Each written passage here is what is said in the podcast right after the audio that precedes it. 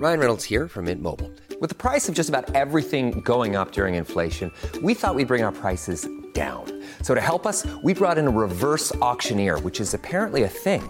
Mint Mobile unlimited premium wireless. Ready to get 30, 30, bit to get 30, bit to get 20, 20, 20, bit to get 20, 20, bit to get 15, 15, 15, 15 just 15 bucks a month. So, Give it a try at mintmobile.com slash switch. $45 upfront for three months plus taxes and fees. Promo rate for new customers for limited time. Unlimited more than 40 gigabytes per month. Slows. Full terms at mintmobile.com. Botox Cosmetic, out of botulinum toxin A, FDA approved for over 20 years. So, talk to your specialist to see if Botox Cosmetic is right for you. For full prescribing information, including boxed warning, visit BotoxCosmetic.com or call 877-351-0300. Remember to ask for Botox Cosmetic by name. To see for yourself and learn more, visit BotoxCosmetic.com. That's BotoxCosmetic.com.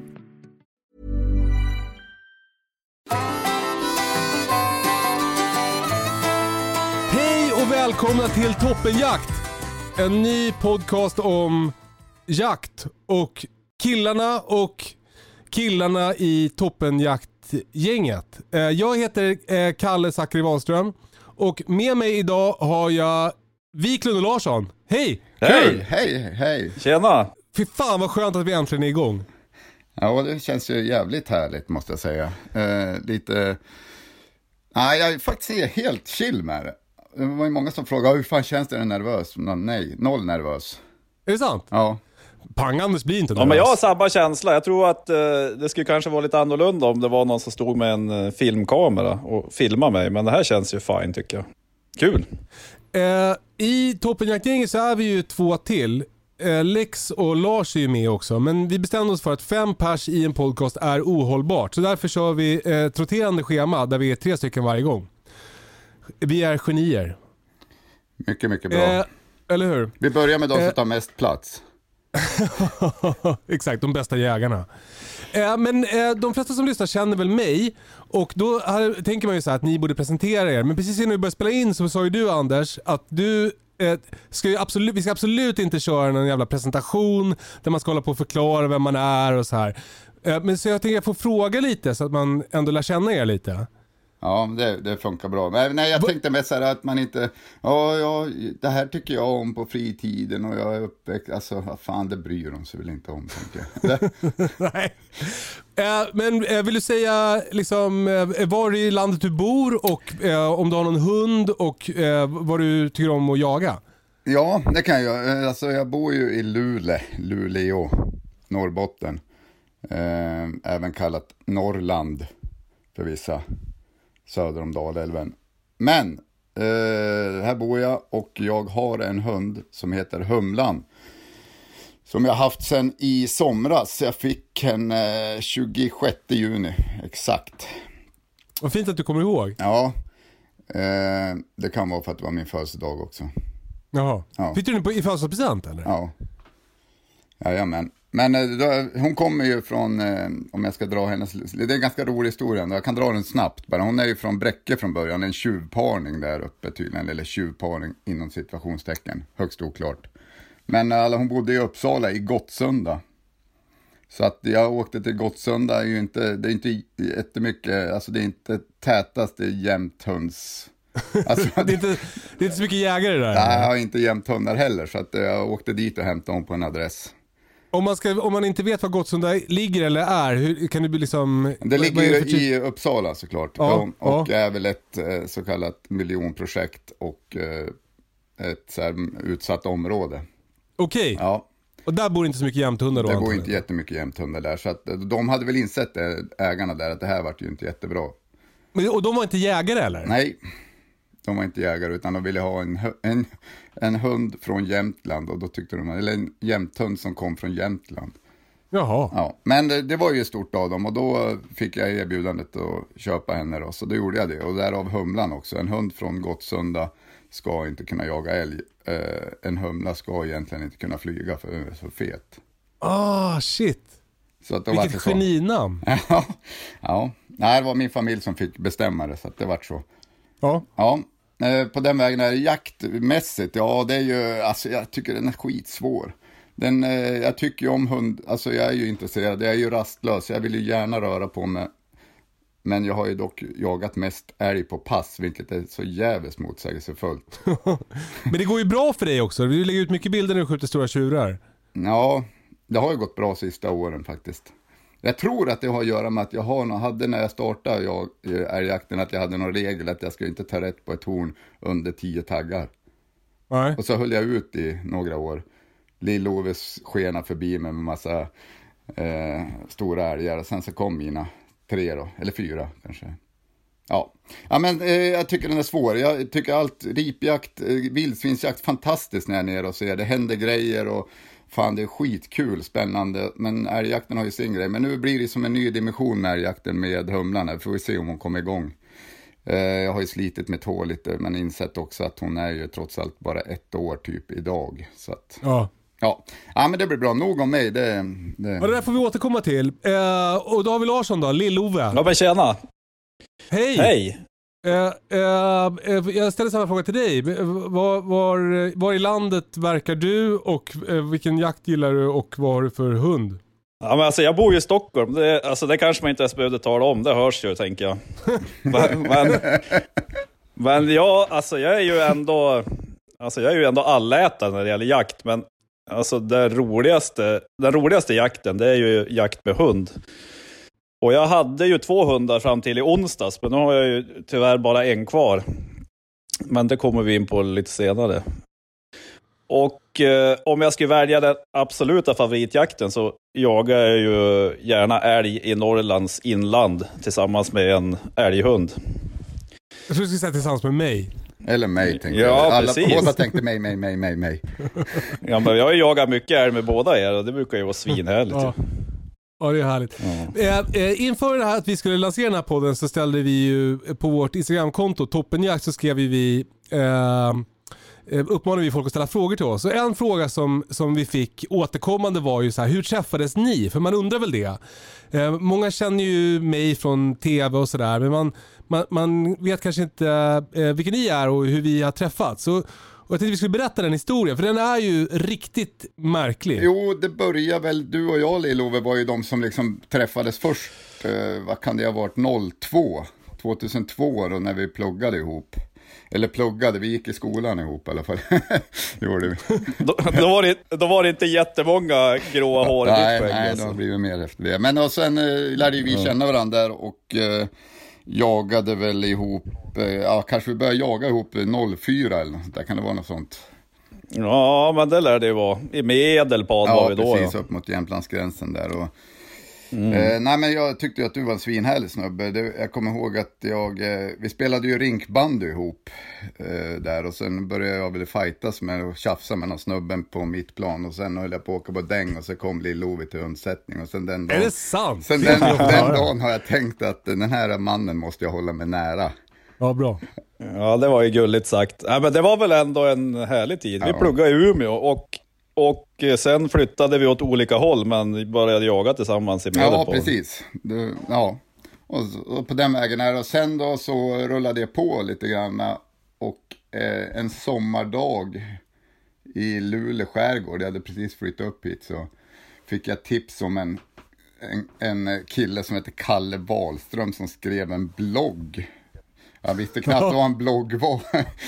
eh, Sjukaste ja, jag hört. Jag bara, vad fan, men gå in och kolla, det var min fru som sa det. Gå in och kolla, jag tror du skulle gilla det här.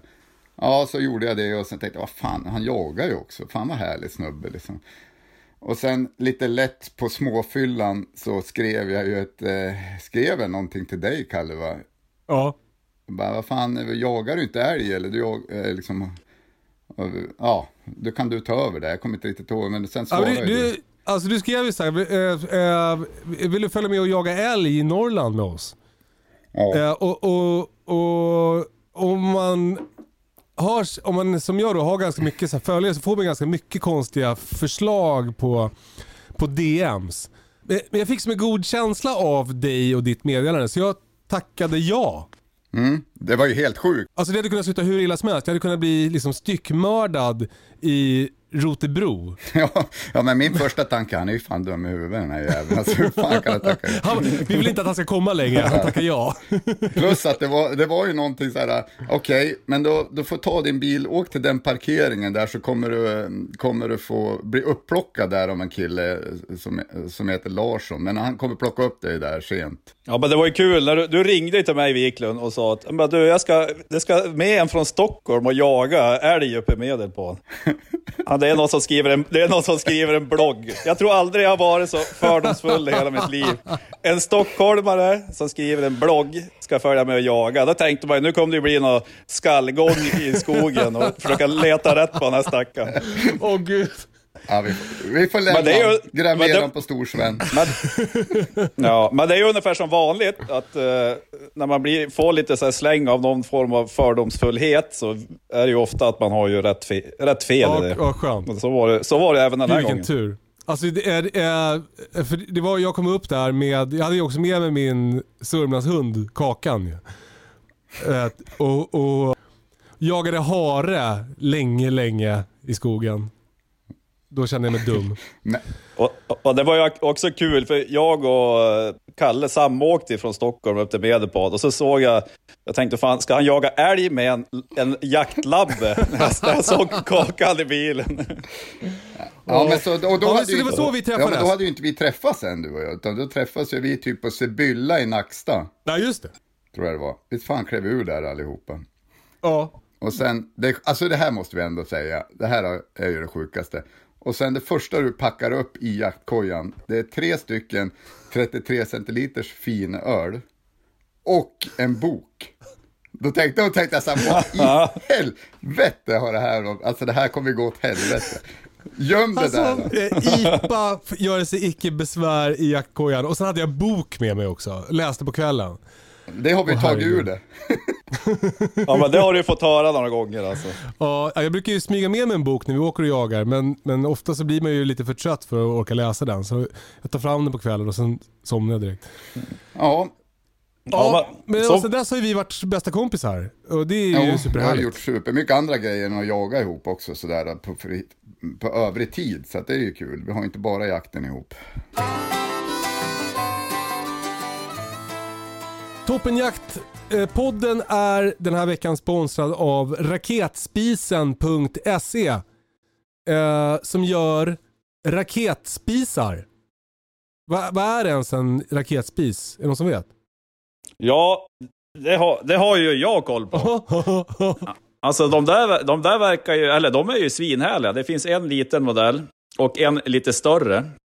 Och den mindre modellen, alltså den tänker jag att den kan ju vara eh, optimal att dels bära med sig. Den tar ju lite plats, men det är ju lite vikt. Men alltså jag tänker så här skoterutflykter, ha i bilen. Och då kan man ju elda i den med ja, vanlig ved. ja. En port portabel spis, du kan ju laga mat, koka kaffe. Får du strömavbrott, ha en hemma så kan du ju laga mat på den. Och den större modellen, den, den tänker jag att jag ska ta upp till jaktkojan, Kalle. För då kan man ju kö- ha den stående där och elda. För då får man ju, alltså jag tänker matlagning på morrika, då får man ju upp, alltså det blir ju stabilt, du ställer morrikan ovanpå och eh, slipper ha de där benen på morrikan som alltid går ner i någon sand eller vippar på, åt sidan och håller på och jävlas. Just det, och sen blir det ett jävla tryck i för att det är en sån här raketspis också. Att det blir sånt bra luftflöde tror jag. Ja, det blir ju extremt, alltså det blir ju sjukt varmt där uppe. Alltså Så det får väl- formligen sprutar ju eld där uppe. Det är ju helt sjukt faktiskt. Att det Ja. blir så. Eh, Den här lilla, jag, min fantasi är att man ska ha den på pass. Om det är kallt. Ja, det är absolut. Men alltså så tung är den ju inte Lill-Ove. Jag vet inte om du Nej. börjar bli lite klen eller vad Nej, nej, alltså det är ju inget problem. Alltså ska man upp och fjällvandra en vecka Ja, ska jag nej, inte då. pla- packa den i ryggsäcken. Men om man ska ut på en dagstur så är det Nej, inga problem. fan.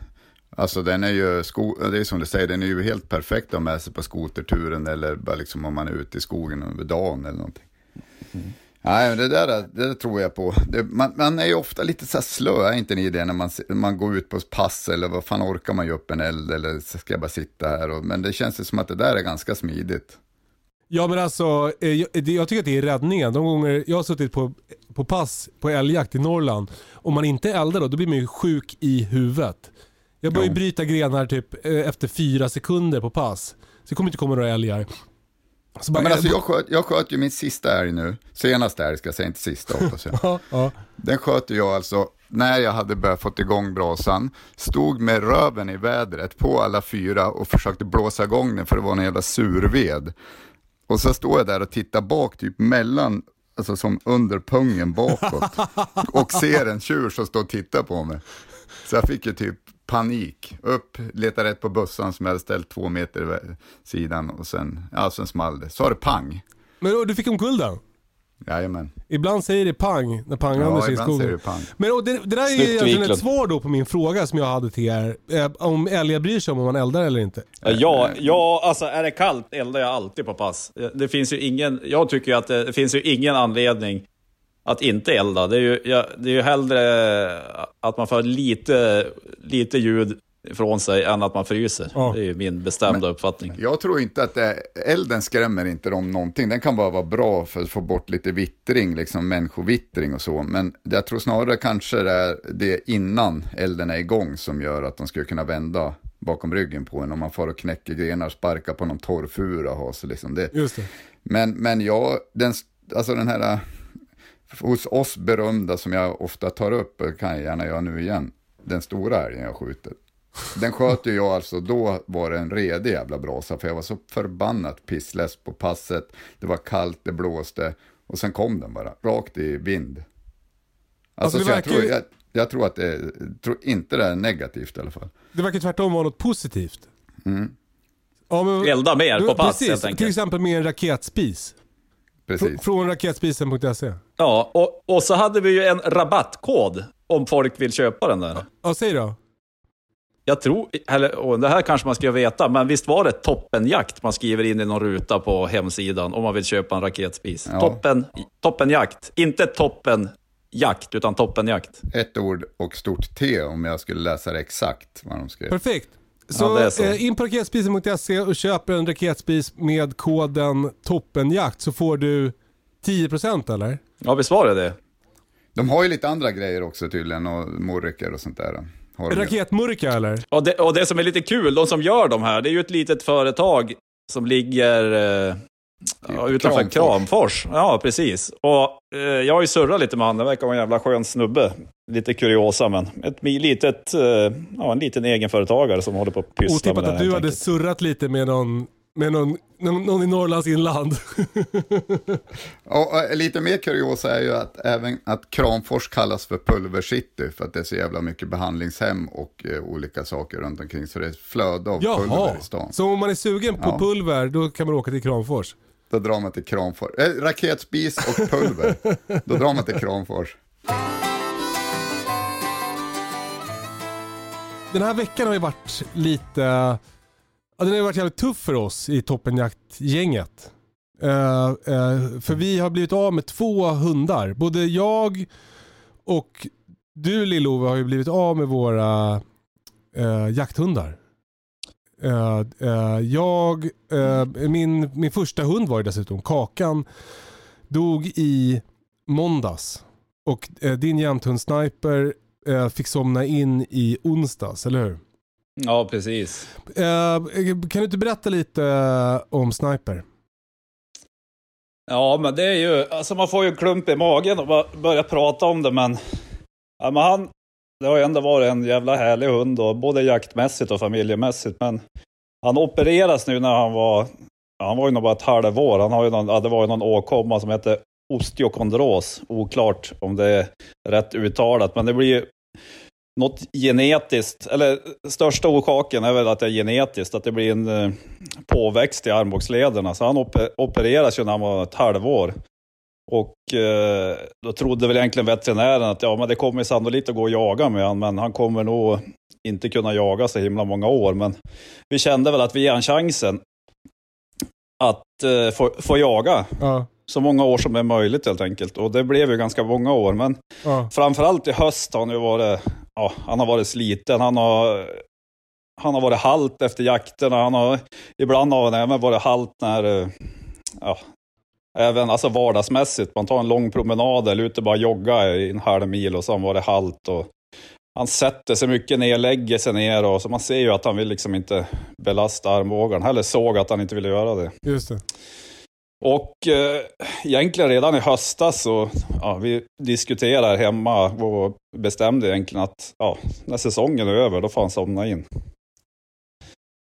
Eh, ja, det kan, ja, det kan man ju ha, alltså man, i bästa världar kanske man skulle haft kvar han, men han har ju, han, alltså, även om man inte skulle kunna jaga med honom så skulle han ju ha fortsatt ont egentligen resten av, resten av livet. Så han fick, han fick somna Ja. in i onsdags. Vad, vad sorgligt. Vad, vad, vad, vill du berätta Ja, om men, i ja men absolut. Vi, eh, alltså det var ju, man har ju ändå, ja det är ju en vidrig känsla. Alltså det där har ju kommit och gått redan, lite grann redan ja, sen i höstas när man har bestämt att ja, han kommer att få somna in i februari. Men jag har ju en eh, veterinär som är ganska nära mig. Det är nog bara en och en halv kilometer bort. Så jag ja, bokade en tid där. Och så var det ju en underbar vinterdag, till och med i Stockholm. Så jag lämnade den andra vovven hemma. Och så tog jag en promenad till veterinären. Och det var ju så här soligt och snöigt. Och man såg ju att han...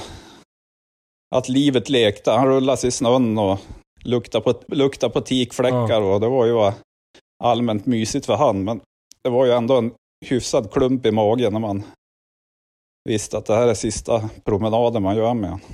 Ja. Fy fan. Men sen var det ju ändå, det var ju jävligt fint bemötande hos veterinären. Vi kom in i ett rum och de hade ju tänt något ljus där. Det var jävligt fint. Och det, han var också jävla nöjd när vi kom in där, för han träffade någon tik i entrén där. Han fick någon hundgodis av personalen. Och så sen kommer man in och, och så får de en lugnande spruta, så han somnade ju egentligen mitt knä. Låg och, ja, han, blev, ja, han somnade ju. Han var ju eh, jättecool. Så det var ju som, Mm. inte vad man kunde se, ingen form av stress egentligen. Nej. Satt du på golvet då eller? Ja, precis. Och så Ja. hade jag sniper i knät. Ja. Men det var ju väldigt fint. Ja men veterinär, alltså de var ju jätte, jättefina där hos veterinären och så fick lugnande somnade och då fick man vara själv med han tills han hade somnat ordentligt. Och så sätter de ju egentligen bara en, en nål, en infart i ena frambenet. Ja. Och då, då snurrar det ju ändå mycket tankar. ja. Vad tänkte du då? Ja men då känner man ju, vad fan. Man har ju, även att man har ju funderat på det här så sjukt mycket så har man ju, man känner ju ändå att det är ju, alltså jag, jag ångrar ju inte idag. Utan, utan var ju ändå att man hade ju vridit och vänt på det där och Ja. egentligen bestämt sig att nu kommer man att få somna in. Men man sitter där, då kunde man ju bara innan, innan de liksom injicerar den här avlivningsvätskan, då kan man ju bara, nej men jag skiter i det här, han får hänga mig hem igen. Ja. Ja, shit alltså. Det, det tar en halvtimme så han vaknar till, eller vaknar till från det lugnande och så Ja. tar man bara med han hem. Ja. Och så Men- låtsas man som ingenting liksom. Men, men Ja, men lite så. För han, ja, det är ju så här, det är ju en jävla tur att de inte hör vad man säger. Då skulle man väl aldrig fått med han dit. Men det var ändå, men så blev det ju inte. Han fick somna in och ska kremeras och så får man hämta en urna när, ja, när de hör av sig helt enkelt. ja. Ja, fy fan. Fan vad tungt. Ja. Men det, det, för det finns ju något, alltså det, så, det, det där beslutet, jag, jag, jag har ju inte, jag har aldrig gjort, tagit det beslutet med någon hund. Eh, eller jag var ju nära att behöva göra det nu med Kakan. Jag får återkomma till det. Men, men en grej som, som man som jägare måste ta i beaktning är ju, våra hundar har ju ett väldigt starkt jaktdriv. Det är ju det de vill göra. Eh, och de är ju inte så lyckliga om de inte får jaga. Eh, Nej, alltså det känns ju som att Sniper, speciellt Sniper, alltså han hade ju tänkt dig den dagen när du tar med någon ny hund ut och han får stanna hemma liksom med alla signaler på att det är jakt som är på gång och allting så Ja. skulle han ju vara så jävligt olycklig. Ja, för fan Jens. usch. Mm. Men vad, vad, vad, liksom, vad fint att det blev eh, en bra sista stund för er. Hos veterinär. Ja, men det känns ju ändå svinhärligt måste jag säga. Jag vet, alltså, ja men det går ju, alltså man hade ju också en sån här tanke, fan ska man, alltså, man blir ju någon form av bödel på något vis. Det är ju ändå, eller mitt Ja. eller familjens beslut, men, men det är så här, ja, ska man, jag vet inte fan om jag skulle klara av att ta bort den själv, men man ska be någon kompis göra det och bara vara ute i skogen eller... Men det känns ju som, ja i alla fall det här bemötandet och hur de, ja, hur de gick tillväga hos veterinären så var det ju, ja men det var jättefint och min uppfattning är ju att han var ju typ noll stressad egentligen. Ja. Så det känns ju bra. Eh, Jag tycker vi ska försöka liksom eh, minnas Sniper lite tillsammans. Eh, och, och om vi ska prata om minnen vi har av, av honom. Uh, Mm. Lillo, kan inte du berätta om första älgen du sköt för Sniper? Ja, men jag, jag, jag får hämta mig lite. Wiklund får... Ja, Wiklund kanske har något härligt Ja, minne. jag förstår. Jag fattar. Ja, för sorry Jag kliver jag in. låg på. Ja, ingen fara. Nej, men jag har ju jagat med sniper egentligen hela... Jag var ju med med Jens eh, tidigare hund också, Nixon, och sen så kom ju sniper där och, så, eh, från start. Så att jag har, kan liksom inte plocka ut något exakt minne just någon älg jag skjuter för honom. Det är ju några stycken. Eh, men han var ju liksom... Eh, alltså han är, var ju jävla speciell. Alltså det var ju, han var ju inte, som, som Larsson skrev i ett inlägg, han var ju inte perfekt, men han var ju underbar liksom. Det, han körde ju sin race, han hittade ju egentligen, han var ju i stort sett hundraprocentig på att Ja. hitta älg. Sen om det var, om det var eh, eh, en och en halv mil bort eller om det var i såten vi skulle jaga, det, det sket ju han i. Ja. Och sen, så att han var, och var ju jävla god liksom. Jag har ju varit, haft han några gånger själv och vi har varit i fjällen med honom. Han var ju en underbar hund privat liksom. Eh, det ska jag säga. Och sen, eh, ja, han var, återgången var väl sisådär på honom. Han satt ju där nöjt varenda gång vi kom med bilen och väntade på oss. Och, eh, och ofta i typ, har fått någon korv av något grannjaktlag eller någonting. Men ja, han var ju lika glad för det. Men så att han kommer vara jävligt saknad. Eh, Alltså han, han har ju varit en stor del i min älgjakt liksom, ja. måste jag säga. Han har ju alltid varit med. Så är det verkligen för mig också. Att det, det som en sniper är den... Ja, men jag har inte jagat älg på det här sättet riktigt innan jag träffade er och, och sniper har alltid funnits med i det. Så, så han har varit en stor del till att jag tyckte att det har varit så kul att åka upp och, och se hur det kan gå till när en sån här bra hund jagar älg. Liksom. Det, det har ju varit fantastiskt. Jag, jag har ju också jagat ganska mycket med sniper här nere. Och, och då, då är han ju... Ja, då blir det lite större problem det här att han, att han springer tills han hittar grejer. Och så, han är ju inte heller där, du säger att han sitter och väntar på en när man kommer. Så det, jag tycker inte att det är riktigt sant. För han är ju ganska mån om att inte bli infångad också. Så, Nej, nej, det kanske är sant. så, så det är ofta, alltså jag, jag, jag kommer ihåg den där, alltså det, det finns en gång till exempel, det, det var faktiskt inte jag med och jagade, men vi jagade här i närheten, eh, vi skulle jaga här i närheten av där jag bor. Och eh, du släppte väl Sniper på morgonen tror jag Jens. Så jag skulle åka och föreläsa typ i Halmstad eller något sånt där. Så jag körde till Halmstad, föreläste och kom hem. Och då jagade jag Sniper fortfarande. Och det blev liksom kväll, jag tror klockan var tio på kvällen och ni var kvar på jaktmarken. Det hade varit mörkt i sex timmar eller någonting. Och Sniper jagade fortfarande. Och jag kommer ihåg att jag, jag köpte jag pizza åt er. Ja, det där var ju så sjukt. Jag hade ju med mig en av, Jag var ju, jag tror jag var föräldraledig och eh, hade med mig ja, ett av mina barn.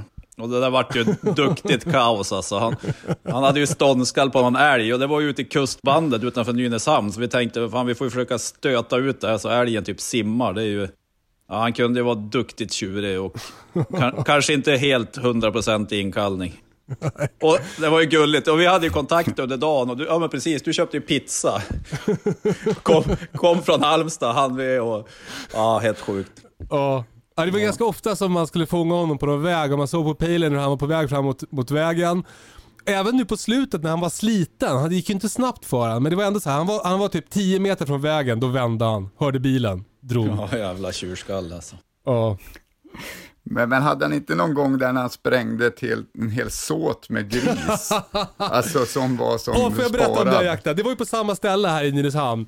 Då, då, det var ju, jag, jag jagar eh, har ju tagit Nadja efter Sniper. Så Sniper är ju pappa då till min, till min hund Nadja som nu är tre år men som då var ett år. Och hon jagade väl gris för första gången. Hon hade ståndskall på en större gris eh, i en granplantering. Och jag smyger in och jag bara, du vet jag hinner få sån jävla puls. Jag ska få skjuta på ståndskall för min unghund. Och allt är helt perfekt, det är 10 meter kvar. Och precis när jag lägger an, då kommer det som ett vitt stort hårmoln flygande. Då är det sniper som springer in. och bara får loss det där ståndskallet. Och sen går han då, om det är åtta kilometer med den här grisen, in på ett stort gods som ligger här där jag känner jägaren och de har en såt som de har spart hela säsongen för att den ska vara extra fin att jaga för gubbarna på en speciell jakt. Och de har fodrat för tusentals kronor och det är så mycket gris där inne och Sniper tar sig in där och börjar jaga ut grisar och jagar ut alla grisar i såten. Ja, det, Alltså det är så hemskt. ja, det där var ju sjukt, för jag ringde ju till jägaren. Ja, men vi hade ju kontakt, bara fan det är på väg till den där marken. Fick, eh, och så ringde jag till jägaren och han sa ju bara, ja, ja, se till att han inte kommer in i den här såten. Han gjorde någon skärmdump på någon karta och så ser jag på pejlen bara, nej. Han, ska, han, han går in där. Och, och det började ju spruta ut gris alltså. Det var ju helt sjukt. Och då, fick- och, gud, åh stackars och då fick jag även tillstånd att skjut för hunden. Alltså, och det sjuka då, han brukar ju vara så ihärdig och hålla i ett djur. Men där kände väl han, alltså han, han, han var ju typ som en kortstötande. För han insåg ju att det är ingen idé att springa efter de här. Det finns ju hur mycket gris som helst där inne. Det var ju gigantisk granplantering. Ja, det, Det var, pri, priset på jakten halverades efter den där snipers. ja stackar, förlåt Martin om du lyssnar på det här. Vi, vi, och Snipers vägnar, men det kanske är preskriberat. ja. Eh, Ett annat starkt minne jag har av Sniper är också när, när vi var uppe och jagade i Medelpad och, eh, och en av jägarna blev väldigt, väldigt full och råkade lämna dörren till kojan öppen och Sniper stack ut klockan två på natten, jagade satan till på morgonen och sen kom tillbaka helt slut när vi skulle börja jaga sen på morgonen. Ja, då var det ju inte läge att släppa honom mer den dagen alltså. Ja, fy fasen. Nej, men jag har ju, alltså jag har ju svinmycket härliga minnen från jakt tillsammans med Sniper, men det, jag vet inte. Ja, alltså han, men alltså jag vill inte alltså skryta om han. Det är ju liksom, det finns väl inte så mycket att skryta om. Men han var ju ändå, Men skryt han, var- han var ju ändå en duglig, en duglig älghund, det kan man ju säga. Man har ju ändå fått peta omkull ett gäng på ståndskall och det är många polare som har fått skjuta för honom, både älg och gris på ståndskall och det är också kul att, ja, att det har funkat. Alltså han jagar oavsett vem som går med honom känns det som. Ja. Så det, har ju, det är ju också svinkul att kunna dela med sig av det. Sen var han ju också, alltså han hade ju mycket dåliga sidor. Han hade ju alltså nästan så att han hade för då, även om man tänker på en, en älggles mark i Norrland så hade han nästan för dålig förarkontakt. När man väl släppte han så var det ju sällan man såg han egentligen. Han kunde väl komma tillbaka ibland, men det var ju sällan man såg han förrän man hade skjutit på Passkytt skjuter, skjuter på ståndskall eller att han hade jagat så att han var helt slut så man fick typ plocka upp honom någonstans. Så det är ju, det är ju inte optimalt men det var, så körde han och det är ju bara, det är bara att jaga på. Ja. Han, han har ju haft en jättefin återgång med mig en gång. Första gången jag gick med honom och släppte han. Eh, det var ju också i Medelpad där. Eh, då drog han ju iväg, kanske drog iväg en kilometer. Sen vände han och gick exakt samma spår tillbaka. Tänkte, ja men nu kommer han väl tillbaka så går jag vidare. Så bara, fan vad han kutar och knäcker grenar och jag står ju som och tittar på pejlen. Tittar jag upp kommer ju ko och dubbelkalv springande framför honom. Alltså efter typ tio minuter när jag hade jagat. ja, då sprang han förbi mig och tittade på mig bara din jävla idiot. Ja, du sköt inte? Skjut för fan. Nej, jag hann ju inte. Ah, ja. Nej, men så den återgången var Ja bra. du ser vet du. Nej, men han kommer vara saknad, satan alltså. Han var härlig. Ja men verkligen. någon sniper, ja men jag kommer ju att sakna som fan. Det är ju nu också så här, man har en till hund hemma och han, ja men ni vet ju hur det ser ut där jag bor. Vi har ju som en innergård och där låg ju nästan alltid snipern. Han har ju något madrass och något tak att gömma sig under om det skulle regna och sådär. Men det är ju så här, varenda gång man ska ut med andra hunden så är det ju bara, nej det är ingen fler hund att ta med sig på promenaden. Så det är ju så här, man, man blir ju som ständigt påmind men Eh, ändå att det har varit alltså, ett vidrigt beslut och alltså, liksom vidrig känsla att ta bort den. Och, så, ja, det är ju ändå så här, på, på sikt så är det minnena man kommer att ha kvar. Och, det känns ju ändå, det känns ändå okej liksom, ändå att det är jävligt ledsamt. Ja. Ja. ja, och Kakan då, Kalle? Eh, ja. ja, precis. Kakan dog i, i måndags eh, morse. Eh, Kakan var min eh, eh, första hund. Eh, jag och Britta skaffade henne när vi hade varit ihop bara ett år tror jag. 2010 kanske. Ja, jag tror 2010. Eh, vi, vi, vi hämtade den i Näsum hette det. I, precis på gränsen mellan Skåne och Blekinge. Eh, hon är gråhund vaktel. Så hennes mamma var vaktel då, en, en tysk stötande hund. Pappan var en grå hund. Eh,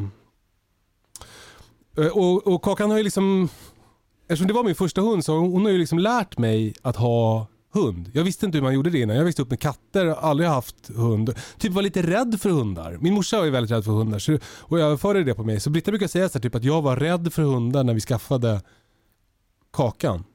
Då är det, Men nog- då är det ja. ändå starkt att skaffa en hund. Ja, ja. Men det var, det, var, alltså, det, det var ju att jag hade fått smak på hur det var att jaga med hund som gjorde att jag skaffade Kakan. Jag, jag är ju en alltså- dålig passkytt, precis som... Hur länge, hur länge jagade du innan? Alltså min känsla är ju att du skaffade henne ganska direkt när du började jaga, men det kanske inte stämmer. Jag tror att jag jagade kanske fyra år utan hund. Ja, det var så pass länge. Jag tror att jag jagat i 15 år. Mm. Ehm, och Kakan var ju väldigt mycket hund. Alltså för, och det är också någonting som jag kommer ihåg från när vi skaffade henne. Det var, det var så här, eh, folk sa att det, det här är en, en dum första hund.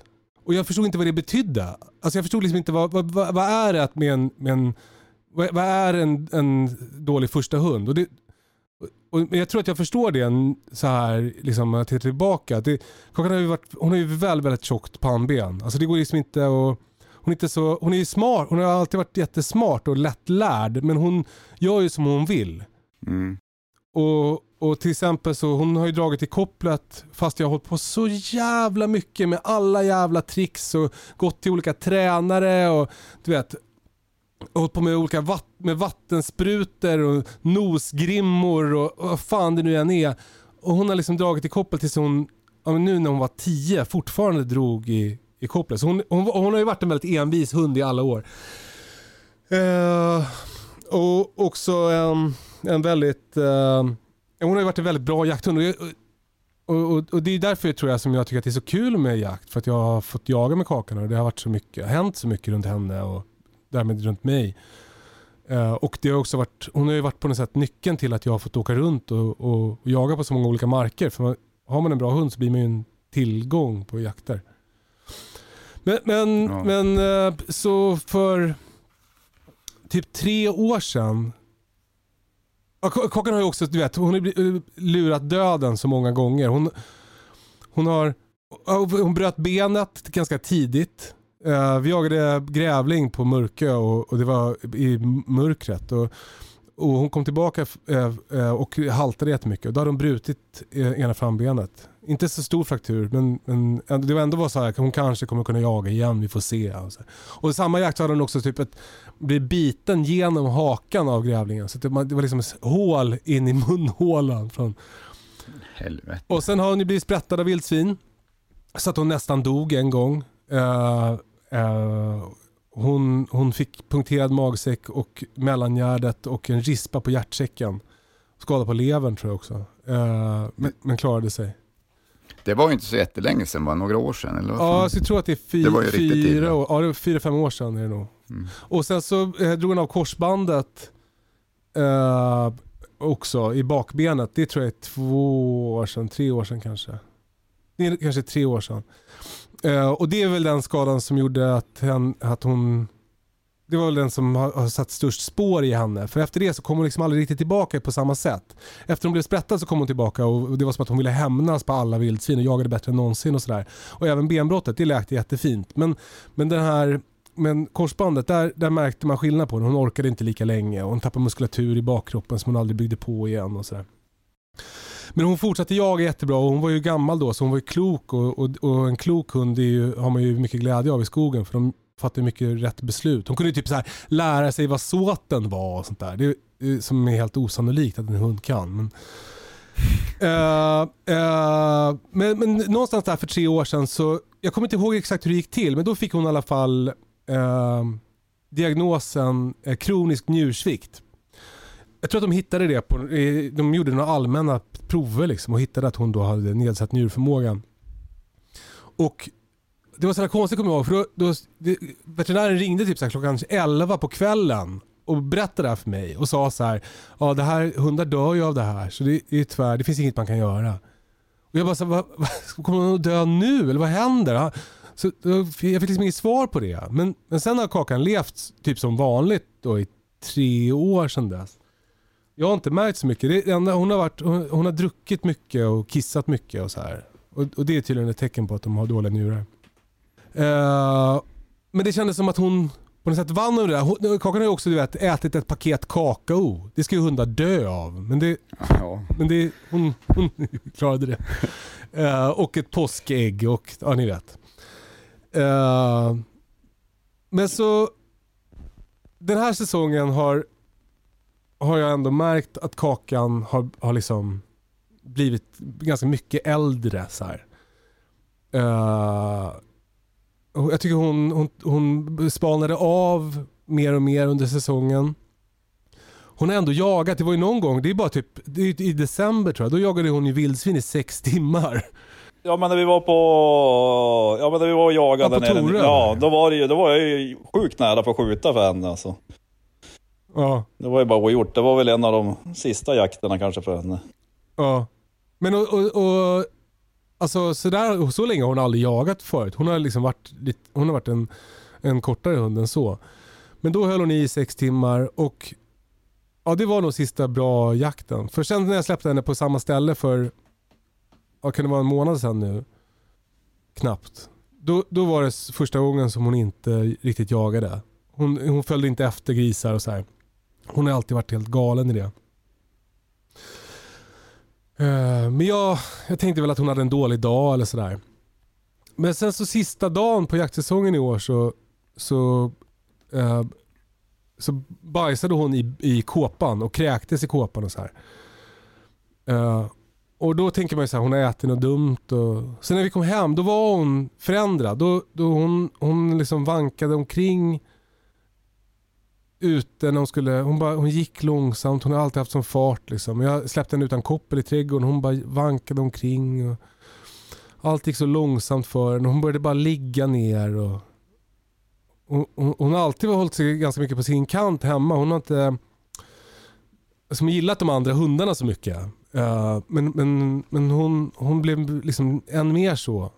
Jag tog ut de andra hundarna i hundgården och så fick Kakan vara inne själv. Och hon låg på sitt ställe under trappen. Och, och det, sen gick det snabbt faktiskt. Det tog bara en vecka eller någonting så blev hon sämre och sämre. Uh, och, och så och så, så, så slutade hon att äta. Eh, och Kakan har alltid varit väldigt matglad. Men så, så slutade hon att äta. Jag, jag kokade till och med älgfärs till henne. Men hon, eller Britta kokade älgfärs till henne. Men, men eh, hon ville inte ens ha det. Och, och då förstod jag på något sätt att det var att det var över för, för Kakan. Eh, så då, då pratade jag, jag, ringde då till eh, Björn, alltså eh, jakthundar och Björn som är veterinär. Eh, det är en annan podcast. Eh, och pratade med honom och, och, och beskrev Kakans symptom. Och, för det, det, som, det som var var att jag, eh, Alltså hundar kan ju bli dåliga och så här, men både jag och Britta förstod direkt att det var det här med njurarna och allt tydde på det. Man googlade liksom symptomen och så här. Det var som att att det, det, det, det, vi förstod att det var njurarna som var problemet och att det nu hade liksom kommit till en punkt där det inte gick längre. Och Jag pratade med Björn om det och han tyckte också att det lät så. Det som händer är tydligen så här att, att det produceras någonting i kroppen som heter eh, kreatinos kanske. Eh, och det, njurarna eh, hjälper till att rensa ut det. Det blir som ett gift som jag tror kanske musklerna producerar när de används. Och när njurarna inte längre pallar med det, då, då, då byggs det där giftet upp i kroppen. Det här är ju otroligt parafraserat, jag, jag vet inte om det var så här, men jag tror det. Och då blir det hunden som förgiftad och därför tappar den aptiten, den mår illa, den tappar i vikt och så vidare. Eh, och det där hände då och Kakan slutade äta. Och det var i helgen och, och, och, och sen låg hon bara. Eh, jag kunde fortfarande få ut henne på promenader typ tre gånger om dagen. Men sen på lördagen så då gick hon ut en gång och så sen bara la hon sig ner i snön. Så fick jag Mm. bära in henne. Eh, och på söndagen så, så bestämde vi oss för att vi skulle eh, att Kakan skulle få dö på, på måndagen. Eh, för att det var tydligt att det var bara liksom att det var ett förlopp som, som det gick inte att hindra. Det var bara frågan om hon, hur lång tid det skulle ta. Eh, jag försökte få tag på en veterinär på, redan på söndagen men det gick inte. Och på måndagen så, så fick jag tag på en veterinär på, eh, tidigt på morgonen som skulle komma under förmiddagen. Och så åkte jag hem och, och så åkte Britta, jag, jag, jag hade varit och lämnat Glenn vid tåget och så kom jag hem och så skulle Britta åka och lämna småbarnen. Och så gick jag på toa och så när jag kom ut från toan då hade Kakan lagt sig bredvid sin bädd som hon låg på. Och täcke som jag hade lagt på golvet. Då såg jag på henne att hon, hon såg annorlunda ut. Hon hade munnen öppen på ett sätt. Hon såg oändligt gammal ut. Uh, så, så, så då satte jag mig bredvid henne. Och, och sen så satt jag där i, i, i 40 minuter typ. Medan hon liksom tynade bort i min, bredvid mig. Jag strök, strök jag på henne och, och sa att hon var duktig och tackade henne för, liksom, för alla år och allt härligt vi har varit med om. Och så att jag kommer sakna henne och, och, och så började hon andas. Liksom, det blev som pauser mellan andningarna och jag kunde räkna en, två, tre. Så räknade jag till sju sekunder mellan andningen. Och, och sen så, men hon var hela tiden väldigt lugn liksom. Bara låg och tittade och så så till slut så drog hon ett sista andetag och då, då var det som att hon spärrade upp ögonen. Så då, då tänkte jag så här, blev hon rädd eller blev hon liksom eller såg hon andra sidan? Uh, men då, då, då, sen blev hon stilla och tyst. Och då, då, då var Britta på väg hem. Så då smsade jag till henne och sa att, att nu hade Kakan dött. Och sen så grinade jag och sen så ringde jag till veterinären och sa att hon inte behövde komma. För det var också så, ty det var så typiskt Kakan det där. Att hon, alltså veterinären skulle komma men Kakan ville göra det på sitt sätt. Så hon liksom passade på att dö. Hon väntade tills småbarnen hade åkt till förskolan och så innan veterinären kom så gjorde hon det själv. Liksom. Eh, och, och sen så, eller förlåt, vill du?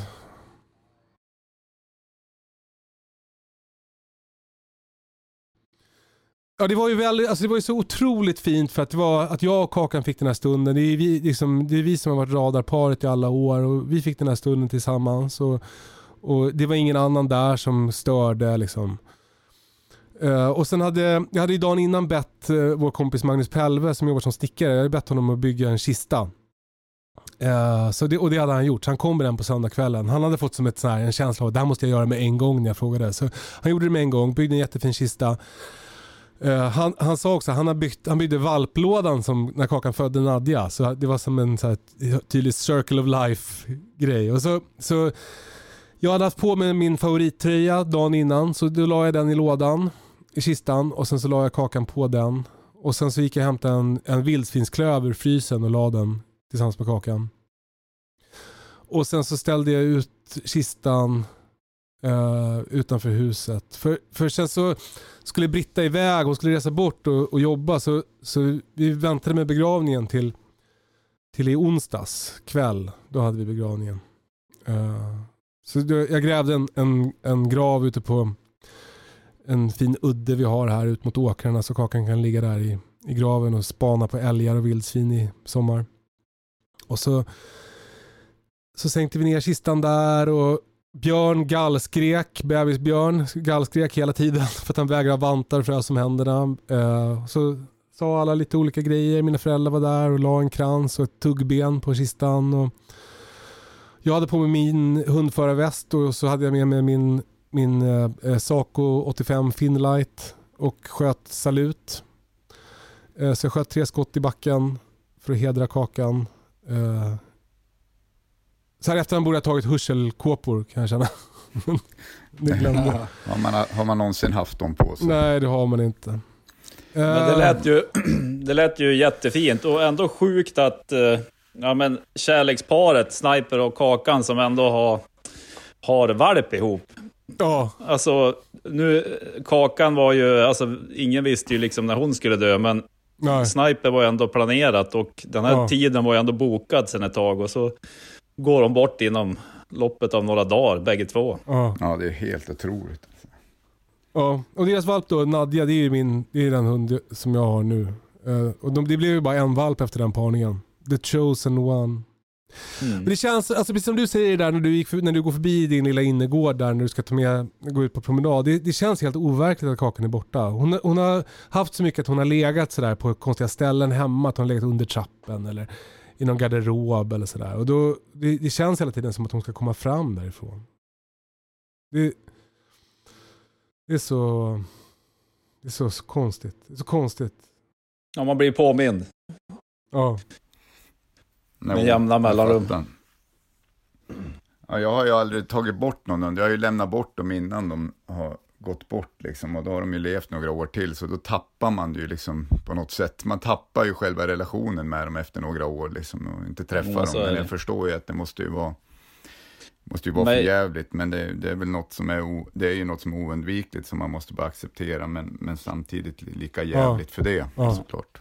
Ja, men jag tror ju att, alltså, ja, men det är ju en vidrig känsla. Alltså, det är ju, oavsett hur sjuk eller hur ont en hund har, och oavsett om de inte kommer att kunna ha ett drägligt liv, alltså det, alltså det spelar ingen roll vad det är för fel på dem när man tvingas ta bort dem, så tror jag, i alla fall jag, tror jag aldrig jag kommer vänja vid mig vid att ta bort en hund. För min förra jämthund, han fick ju, det gick ju hux flux, han fick ju cancer och så sen tog vi bort han inom en vecka. Han vart ju, från att ha skällt älg till att vara död så var det ju, ja, det var ju en vecka. Men jag, kän- jag tänkte nu bara, men det kanske inte känns lika tungt nu, alltså andra gången. Och, men det var, ju, det var ju absolut ingen skillnad, det var ju lika Fan, tungt. för det var det som var min förhoppning, att det inte skulle vara lika tungt. Jag har grinat i tre dagar liksom, efter överkakan. Jag pallar inte det mer.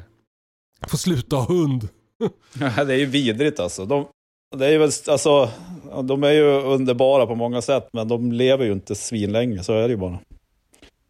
Nej, men man får ju som tänka, eller ni får ju liksom på något sätt ändå tänka på att det var ju, alltså att eh, båda hade ju ont och var ju risiga liksom och det funkade ju inte längre. Alltså, Ja men precis, för jag, jag kan känna en, jätte, jag känner en jätte, jättestark sorg. Mm. Och det känns jättetomt och hemskt på alla sätt. Men det, jag har också ganska lätt att hamna i att jag tänker så här, det är som det är. För, för, för Kakan har haft ett jättebra liv. Hon har levt liksom superhärligt och mycket. hur, hur, gamla, liksom, hur gamla för- blev de? Eh, Kakan blev, hon fyller 11 i, Mm. nu i vår. Så hon blev nästan 11. Ja, Sniper skulle bli nio i vår. Och han skulle, Ja. skulle inte, ja, han skulle man ju garanterat kunna jaga med och haft som familjehund i säkert några år till om inte han skulle haft det där skiten med armbågarna. Men Nej. det är som det Och 11 år är ju 11 år är ju 11 bra år och det är ju ändå trots allt 11 år så att, Ja. mm, nej, jag fattar. Eh, och så... En tung vecka för, för er i synnerhet och toppenjakt i allmänhet och eh, jakt Sverige i allmänhet också kanske. Två bra Ja, hundar. Mm. det är segt för alla eh, passkyttar i, i Sörmland här som inte längre får skjuta gris för Kakan. Hon har ju framförallt varit en, en passkyttshund. Jag skjuter ju mycket mer på ståndskall för mina hundar som jag har nu. Kakan har ju hon har ju älskat att driva grisar i pass. Och, och, och så fort en ligger springer hon och hämtar en ny. Så ja, det har varit en fröjd att jaga med henne. Ja, hon har ju varit sjukt effektiv alltså, när man, eh, alltså på drevjakter. Alltså Ja. det arbetssättet är ju, alltså på vilttäta marker i, ja, i Stockholm, Sörmland, Uppland med omnejd, nej, det är det ju, alltså det är ju en sån där hund som gör mest nytta i skogen, så är det ju bara. Ja, ja. Man, man, kom, man kommer ju också sakna snipe, alltså de här sena nätterna i bredvid Lill-Ove i bilen. när han svär och sticker ut pejlen ur eh, rutan och eh, klockan börjar bli runt 02. Och sniper Ja. är fortfarande borta. Ja men där, där, kan ju, där kan ju Nadja kanske bära facklan det vidare. verkar Hon verkar ju ha de Ja. tendenserna. Hon verkar ju vara något tjurig, dottern också. Alltså.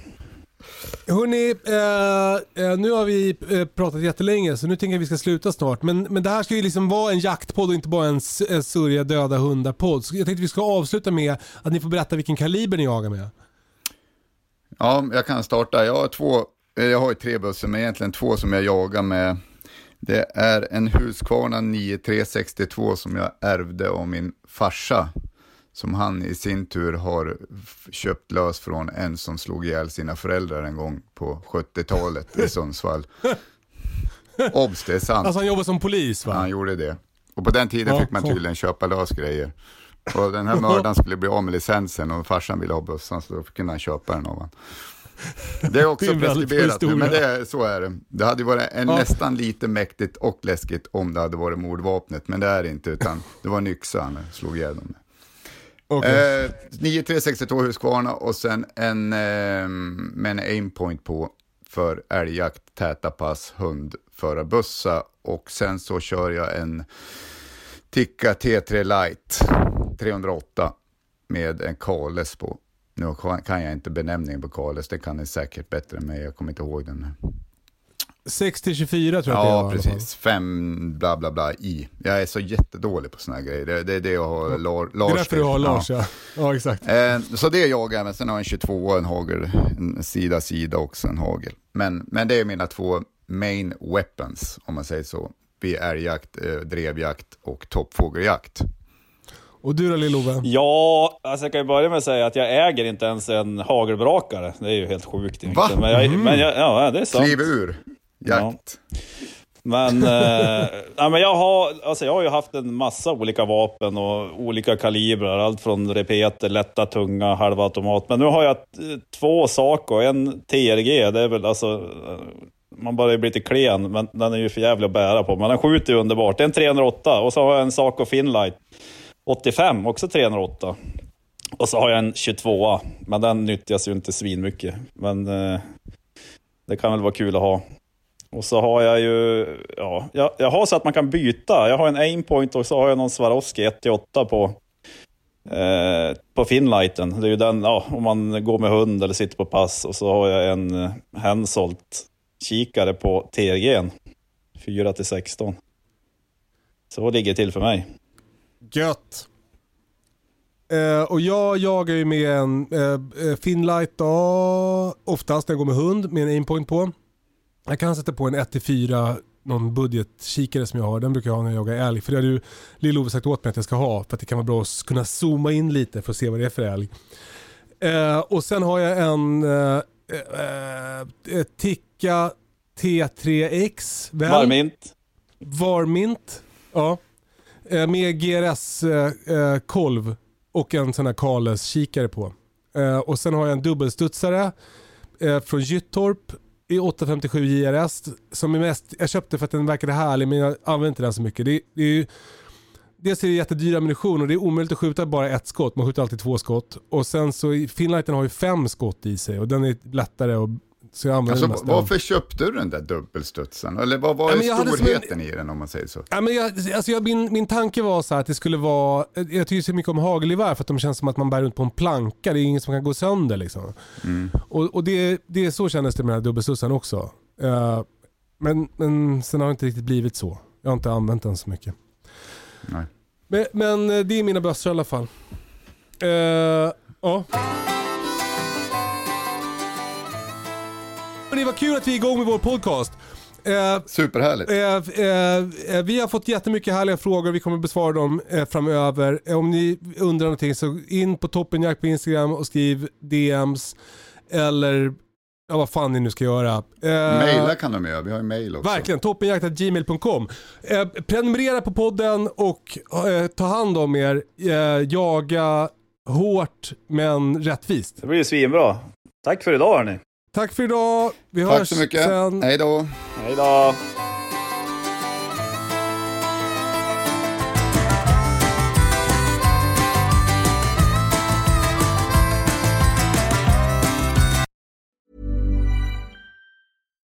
Botox Cosmetic, out of botulinum toxin A, FDA approved for over 20 years. So, talk to your specialist to see if Botox Cosmetic is right for you. For full prescribing information, including boxed warning, visit BotoxCosmetic.com or call 877-351-0300. Remember to ask for Botox Cosmetic by name. To see for yourself and learn more, visit BotoxCosmetic.com. That's BotoxCosmetic.com.